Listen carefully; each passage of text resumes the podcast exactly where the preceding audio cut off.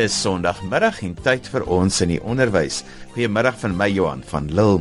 Die departement van onderwys het onlangs in die nasionale beleid oor die voorsiening en bestuur van leer- en onderrigmateriaal 'n voorstel gemaak dat slegs een boek per vak per graad voorgeskryf moet word.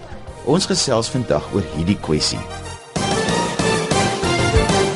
Dr. Nicole Fasen is 'n vryskut uitgewer, kurrikulumkenner en is ook al jare lank betrokke by die Uitgewersvereniging van Suid-Afrika of soos almal dit ook ken as PASA. Nicole, hoe werk die proses waarin handboeke ontwikkel en aangekoop word op die oomblik? En verwys ook soms 'n bietjie vir ons dat die laaste 20 jaar en wat in die bedryf gebeur het. Dit is nogal 'n interessante geskiedenis omdat dit taamlik verander het die afgelope tyd. Uh, daar was duidelike beweging na meer sentralisering van hierdie prosesse uh, waar daar aanvanklik 'n uh, baie oop um, stelsel was met voorleggings wat gedoen is aan die nege provinsiale onderwysdepartemente met die nasionale departement wat die breë raamwerk sou stel en beleid sou stel ensovoorts was dit 'n baie gedesentraliseerde proses dit het dan beteken dat manuskripte of um, halfpad ontwikkelde handboeke dan aan provinsiale onderwysdepartemente voorgeles wat dit dan op 'n katalogus sou plaas selfs sou bestel is afgelewer per provinsie ensovoorts Die afgelope paar jaar vanaf die um, sogenaamde kurrikulum en assesseringsbeleidsverklaringe uitgereik is deur die Nasionale Onderwysdepartement KABV, uh, sedert die prosesse begin het, was daar 'n stadige uh, proses ook van sentralisering sodat op die oomblik word dit eintlik maar deur die departement van basiese onderwys bestuur. Dit is dan die uh, voorlegging van boeke, die die aanvraag van voorleggings, voorlê van boeke keuring, plaas op 'n nasionale katalogus en vir ons die jongste voorstelle dan ook op 'n nasionale vlak wat dit bestel sal word, provinsiaal afgelewer word. Tans word daar in skole handboeke verskaf wat deur uitgewers gedruk en versprei word wat skole dan kan aankoop met of sonder staatsgeld van die departementele katalogus. Daar's egter ook 'n stel werkboeke wat die onderwysdepartement aan skole verskaf. Hoe sluit hierdie materiaal bymekaar aan en wat is die rol van die werkboeke dan? Daar's mos maar altyd 'n verskil tussen uh, die bedoeling en die uitvoering. Die bedoeling van die werkboeke is baie duidelik uitgespel van die begin af dat dit is aanvullend tot handboeke. Dit vervang nie handboeke nie. Daarom um, is dit iets wat eintlik in elke klas gebruik kan word volgens die keuse van die onderwyser as aanvulling dan by wat in die handboek is of wat nie in die handboek is nie. Uh, die ideaal sou wees dat sekere dele van die werkboeke dan gebruik kan word om um, in te skryf. Dit word jaarliks vervang, daarom kan elke kind um, sy of haar eie boek kry en dan skryf. Een van die voordele is dit kan huis toe geneem word, dit kan saam met die ouers deurgewerk word. Met ander woorde die onderwyser, onderwyseres kan een deel van die werk in die klas doen en dieselfde deel kan dan opgevolg word met oefeninge in die werkboeke. So 'n edele ideaal wil mense sê. Uh, dit lyk asof in baie gevalle om ehm um, uh, wat redes uh van die onderwysers dit al meer begin gebruik het as die handboek dit mag wees dat hulle onder die indruk verkeer omdat dit departementeel is, dit dan ook iets is wat hulle moet gebruik om die owerhede uh, te plesier. So ons sien met ander woorde 'n verskywing dalk in die werklike gebruik van hierdie werkboeke. Dit lyk ook volgens wat ons hoor dat daar 'n beweging by die nasionale departement is om dit te verander na volledige handboeke dat die onderwysdepartement dan ook self eie handboeke sal uitgee. Nikkel, wat is die voorstel wat die departement gemaak het in die nasionale beleid oor die voorsiening en die bestuur van leer en onderrig ondersteuningsmateriaal? Goed, jy gebruik die woord voorstel, dis op die oomblik nog 'n konsepdokument, konsepbeleid wat deur die uh, departemente nog bespreek word op grond van voorstelle wat hulle uit die publiekheid gekry het. Mens moet hier ook versigtig wees om een aspek daarvan uit te lig soos wat uh, nou op die oomblik gebeur. Dis 'n baie omvattende beleidsdokument wat heelwat dinge voorstel. Een van die dinge wat ek vind wat min aandag kry, is hoe ehm um, die verskaffing van die handboeke volgens hierdie beleidsvoorstel nou sal werk. Daar is 'n twee vlak verskaffing van handboeke model uh, waar op 'n nasionale vlak die nasionale onderwysdepartement dan 'n nasionale katalogus saamstel met een handboek per graad per taal ehm um, een uh, titel, maar daar's 'n tweede vlak ook wat op die oomblik nog baie min aandag kry. En dit is dat skole dan aanvullende materiaal, dit wil nou sê dinge soos woordeboeke, atlasse, ehm um, nog ekstra leesboeke dan uit hulle eie begroting wat hulle of van die departement sal kry uh, of van ehm um, uh, eie fondse sal kry dat hulle dit dan um, moet aankoop. Ek dink dit is een aspek van die beleid wat op die oomblik nog baie min bespreek word en waaraan min aandag gegee word wat ook skadelik kan wees Uh want dit plaas 'n geweldige druk nou op die skole om hierdie soort bykomstige materiaal te koop met bitter bitter min geld. Die beleidsdokument uh, strek baie wyd en dit is ook 'n saak wat ek dink wat miskien nie genoeg aandag kry nie dat dit 'n uh, baie omvattende beleidsdokument is.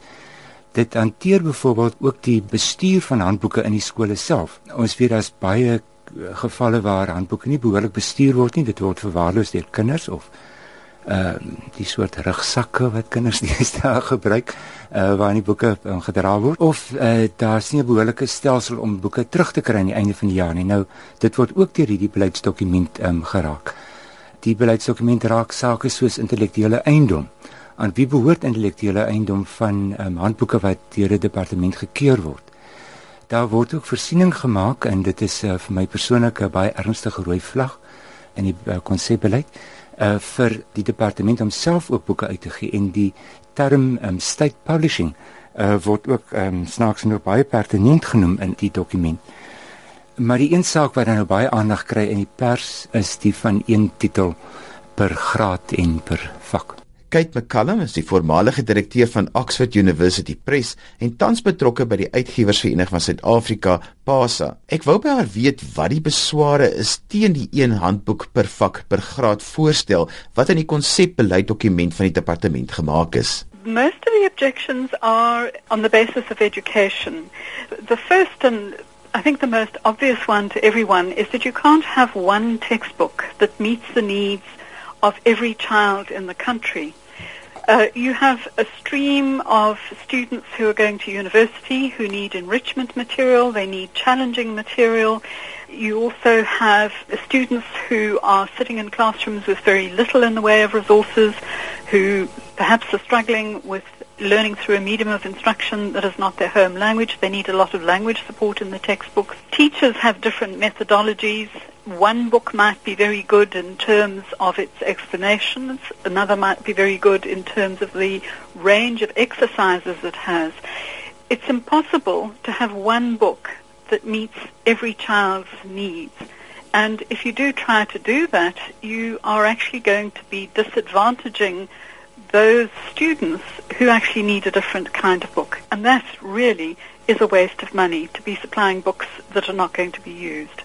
Um, a second one is that you're actually depriving teachers of the professional right to choose the tools of their trade. Teachers are really the ones who know best what books their students need. And even in the same school, you could find that one textbook is being chosen for one class and another textbook is being chosen for a different class. And to my mind, that is one of the most basic professional decisions that teachers ought to be making to take it away from them is really to deprive them of um, a high level of professionalism and really to treat them like children, in my view. It's an imposition uh, from the top down without recognizing teachers as professionals. Ek het gesien van die mense wat um, geraadpleeg is en wat opinies in die pers gegee het, het gesê dat dit kom amper neer op sensuur as daar net een boek is vir sekere leerareas. Uh, that is a very real concern. I think it's just one step away from censorship.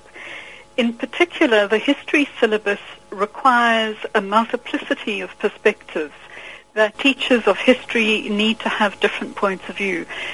There are also other areas in the curriculum like uh, creationism versus evolution. You really can't have only one view being presented to school children. That is what promotes intolerance and a lack of understanding.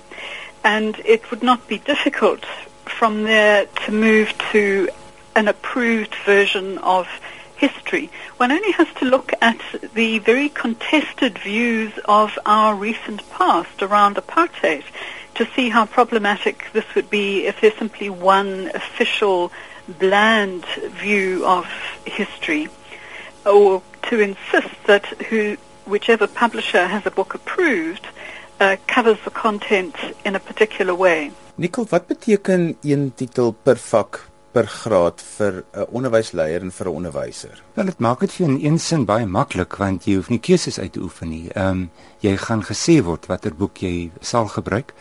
Ehm um, in die matriekeinteksamen sal dit die een boek wees waarop die matriekeksamen gebaseer is. Dit maak dit baie veilig vir jou. Jy sorg dat kinders die inhoud uit hulle kop uit ken. Uh omdat uh, dit ook die idee eintlik propageer dat die inhoud wat in die handboek is, die een enkele handboek is, dat dit die inhoud is wat dan goedgekeurde inhoud is. Ehm um, hoef jy nie ook jou te bekommer om die kinders aan kritiese denke bloot te stel nie. Dit is die weg van minste weerstand. Daar hoef nie uh, vrae gevra te word oor tipe inhoude nie, want dit maak eintlik nie saak wat die alternatiewe inhoude is nie, want die handboek gaan vir jou sê wat die inhoud is wat jy behoort te onderrig.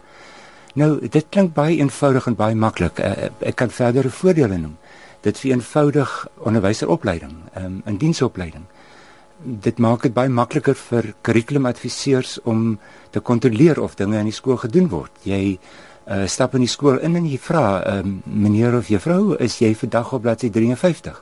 Paragraaf 2 moet jy nou by wees. Is jy daar of is jy nie daar nie? Uh, dit maak uh, met antwoorde beheer in die skole op 'n manier baie maklik. Maar mens kan dan natuurlik nou argumenteer en uit my stemtoon kan jy dalk agterkom uh, ek het 'n uh, groot wantroue in so 'n stelsel ehm uh, dit neig na sensuur. Uh, dit neig na autokratiese ehm um, stelsel. Ehm um, dit neig na die goedkeuring van een enkele mening uh, wat dan gepropageer word.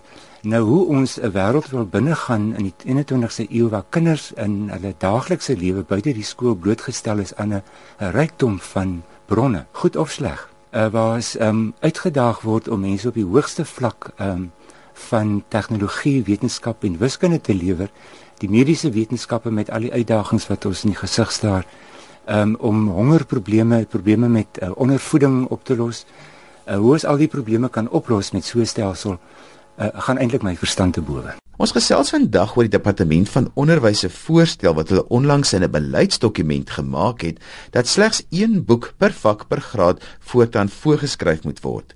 Dr Nicole Fasen is 'n vryskut uitgewer en ook 'n kurrikulumkenner, maar hy opper nog twee sake wat hy reken 'n mens in ag moet neem by hierdie kwessie. Die kwessie van net een handboek beteken tog nie dat 'n onderwyser nie meer as een handboek mag gebruik nie.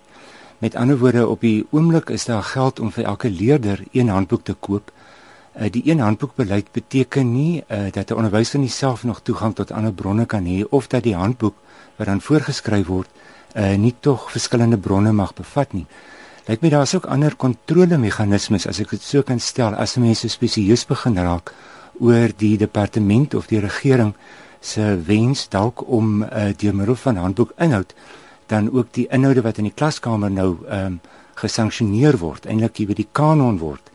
Um, om om dit te gebruik. Byvoorbeeld die eksamen. As hy een handboek voorgeskryf word, gaan dit tog die boek wees wat geëksamineer gaan word. Dus al sou 'n onderwyser ook 'n ander handboek in die klaskamer inbring, dan het die onderwyser nie die waarborg dat die leerders oor daai inhoud gevra gaan word nie. So um, aan die een kant dit beteken nie onderwysers kan nie nog handboeke gebruik nie, maar daar's ook ander meganismes wat gaan beheer watter handboek wel uiteindelik dan dit gesanksioneerde handboek gaan word. Kate McCullen, voormalige direkteur van Oxford University Press en tans betrokke by PASA, stem saam met hom. Ja, ek dink so. Um if this proposal goes ahead, it's really going to damage the educational publishing industry, which at the moment is about two-thirds of the um, size of the publishing industry in South Africa.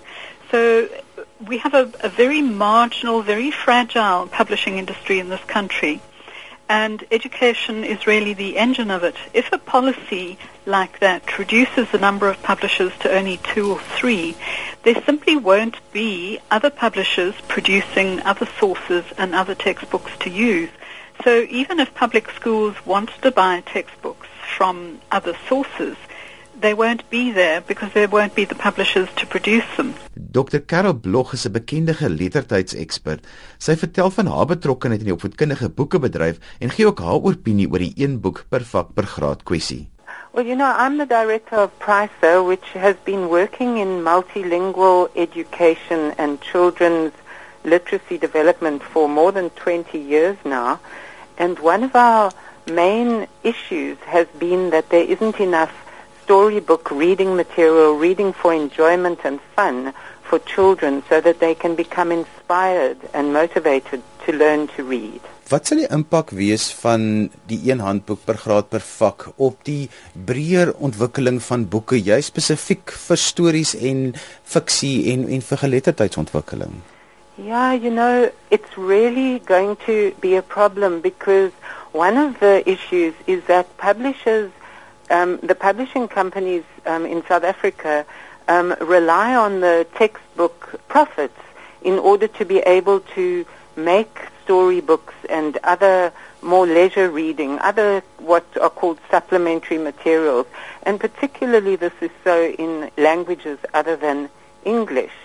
So if publishers are forced um, out, as it were, it's going to have a devastating effect on our ability to publish storybooks and books in African languages and Afrikaans for our children. And this, of course, is one of the main ingredients for creating a reader. You have to have a variety of interesting, exciting um, materials to get your hands on and to be introduced to.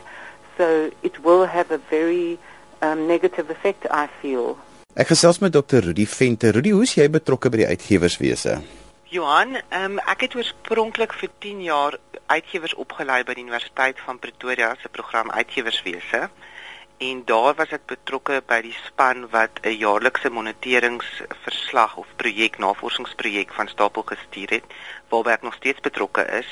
Ehm um, dit meet hoe die bedryf verander oor tyd en wat die impak van transformasie is en intussen was ek by verskeie uitgewers betrokke in beide 'n uh, eh, redaksionele kapasiteit en ook by die bemarking van skoolboeke. Wat gaan die impak op Suid-Afrikaanse onderwys wees as daar net een handboek per graad per vak is? Weet jy, ek dink dit is 'n baie belangrike vraagstuk waaroor ons baie ernstig moet dink in die huidige beleidsvoorstel wat op die tafel is.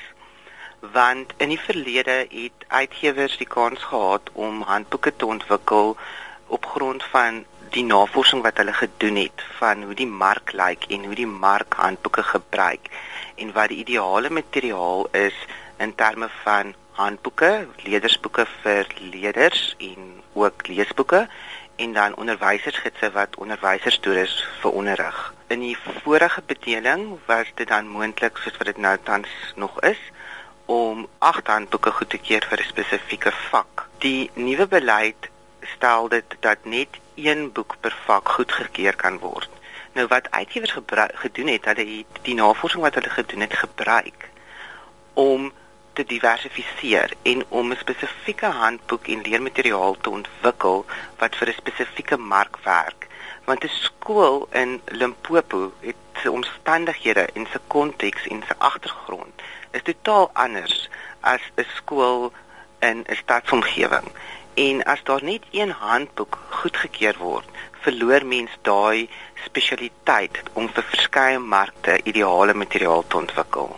En dit dink ek kan verskriklik sleg wees vir onderwys, nie noodwendig net vir die uitgewersbedryf nie, maar ook vir onderwys.